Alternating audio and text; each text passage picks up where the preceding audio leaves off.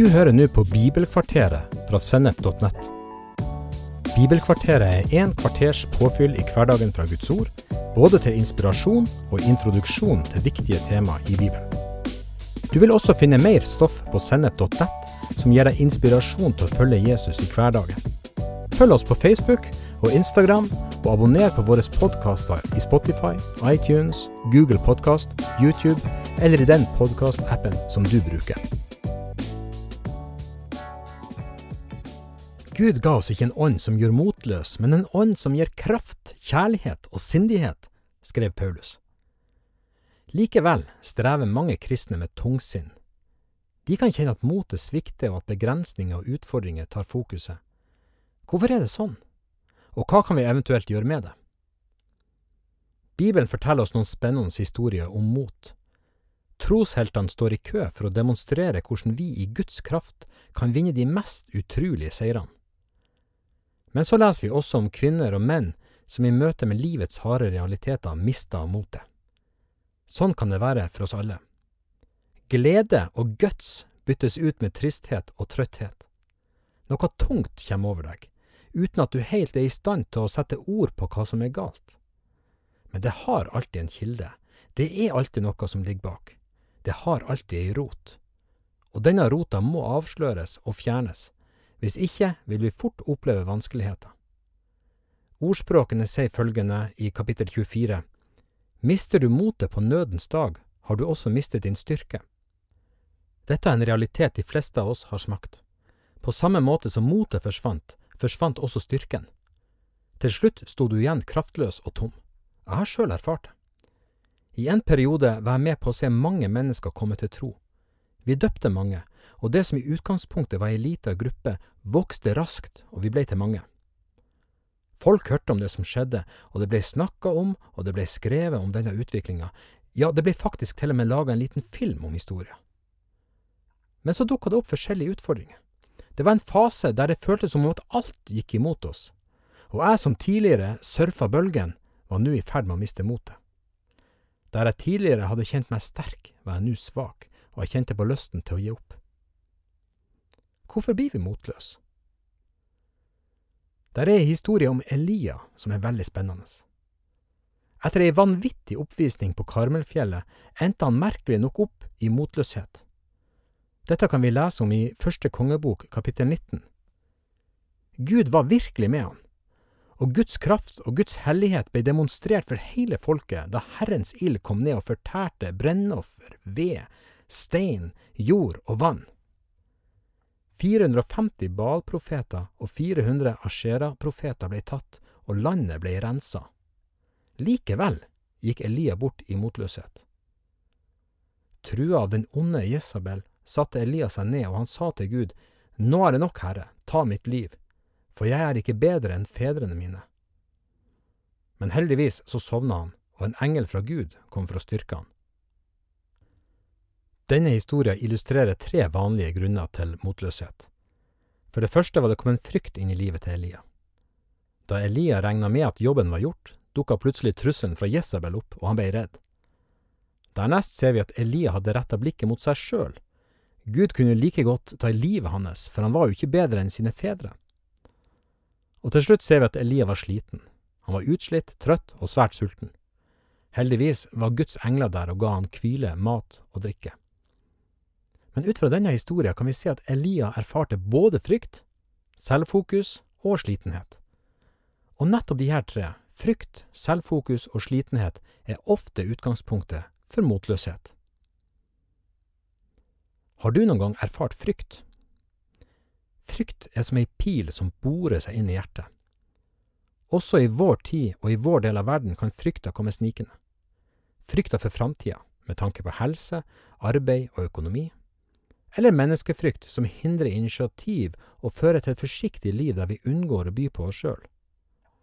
Angst i forskjellige varianter demper sunn livsutfoldelse, og dette er allerede et stort samfunnsproblem i vår tid.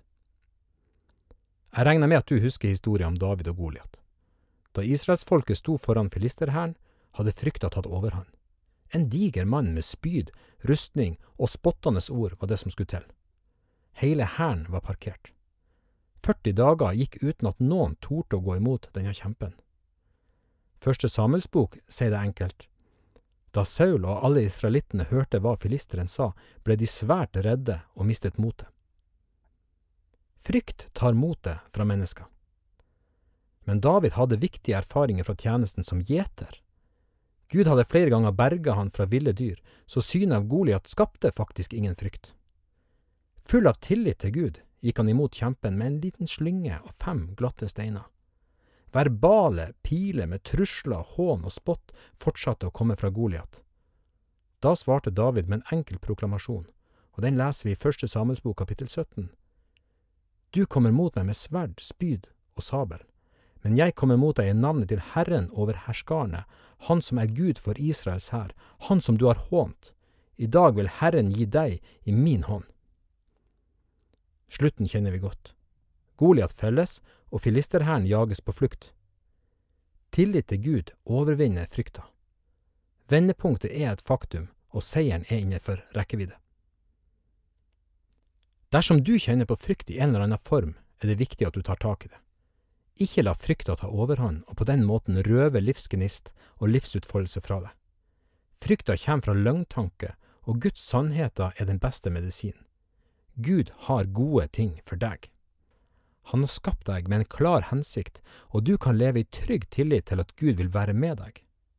Da Jesus sendte disiplene ut, sa han helt enkelt, Jeg er med dere alle dager inntil verdens ende.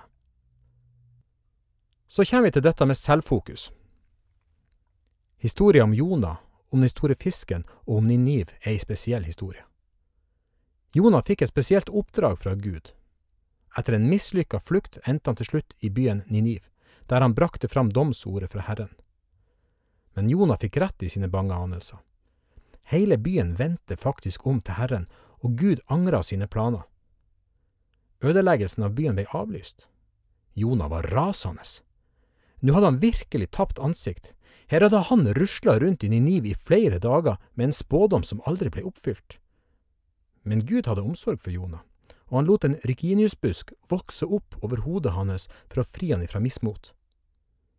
Men gleden var kortvarig. Gud brukte anledninga til å rette på perspektivene til Jonah. En hel by full av mennesker og dyr var faktisk viktigere enn Jonas sitt ønske om suksess. Når mennesker fristes til å rette blikket på seg sjøl i stedet for på Gud og på hans planer, er det fare på ferde. Min tjeneste, min mening og mine ideer er sånne snubletråder som fort kan føre den største troshelt inn i motløshet og store utfordringer. Dersom dette gjelder deg, må du stoppe litt opp. Husk at Jesus lærte oss å be La din vilje skje, la ditt rike komme. De fleste Guds tjenere har kjempa med akkurat dette, og det har jeg òg gjort. Når Gud på forskjellig vis napper bort våre kjepphester, kan motløsheten komme snikende. Men skal vi bære frukt, så er vi nødt til å bøye oss for hans planer og for hans veier. Til slutt skal vi se på slitenhet. Samson var en stor helt. En voldsom styrke fra Herren var over han, noe som gjorde at han vant mange slag mot filisterne og virka som dommer i Israel i 20 år. Hemmeligheta bak styrken sin vokta han vel. Så lenge ingen visste hemmeligheta, var han uimotståelig i kamp. Men utfordringa kom fra uventa hold. Dalila, ei kvinne Samson var blitt glad i, ble overtalt av filistrene til å lokke hemmeligheter ut av Samson. Etter mange forsøk og mye mas var Samson så sliten og lei at han helst ville dø, kan vi lese. Da falt det ut av han. Hemmeligheten ble avslørt, og det var bare et tidsspørsmål før slaget var tapt. Dalilas mas gjorde Samson sårbar og motløs. Resultatet ble dessverre også deretter, og Samson måtte bøte med livet.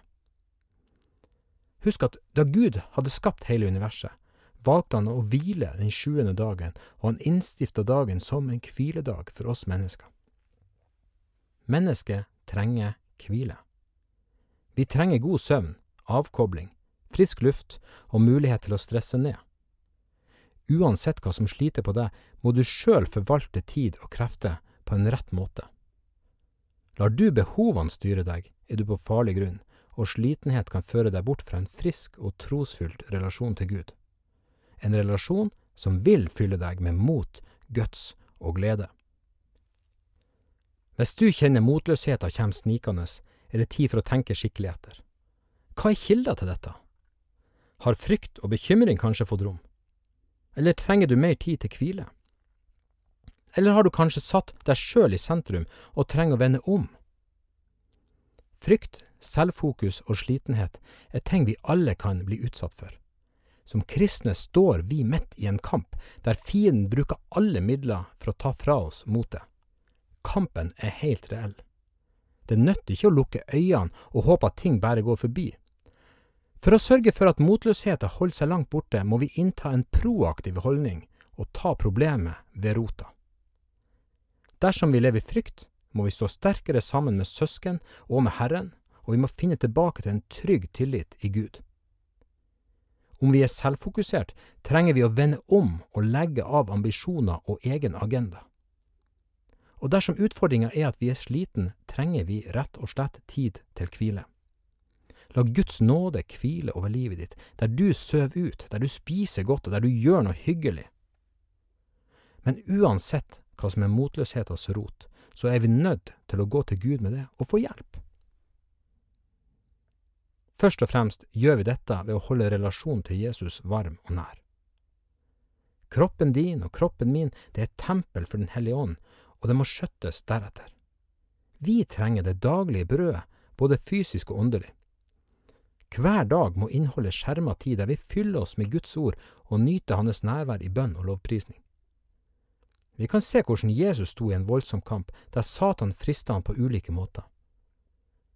Jesus møtte hvert angrep med proklamasjoner av Guds sannheter. Jesus kjente ordet, og han kunne anvende det. Djevelen forlot han, og englene kom for å tjene han. Etter dette starta Jesus sin tjeneste, full av ånd og kraft.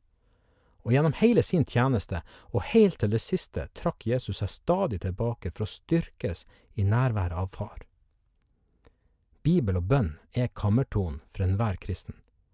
Tanker og følelser justeres sånn at livet blir som et nystemt instrument, en ren og klar lovsang til Gud. På samme måte som Jesus kan også vi møte enhver situasjon med et rent hjerte og proklamasjon av Guds sannheter. Og sånn vil også vi være i stand til å reise oss i Den hellige ånds kraft og si at motløsheten forsvinner og at alt vendes til seier.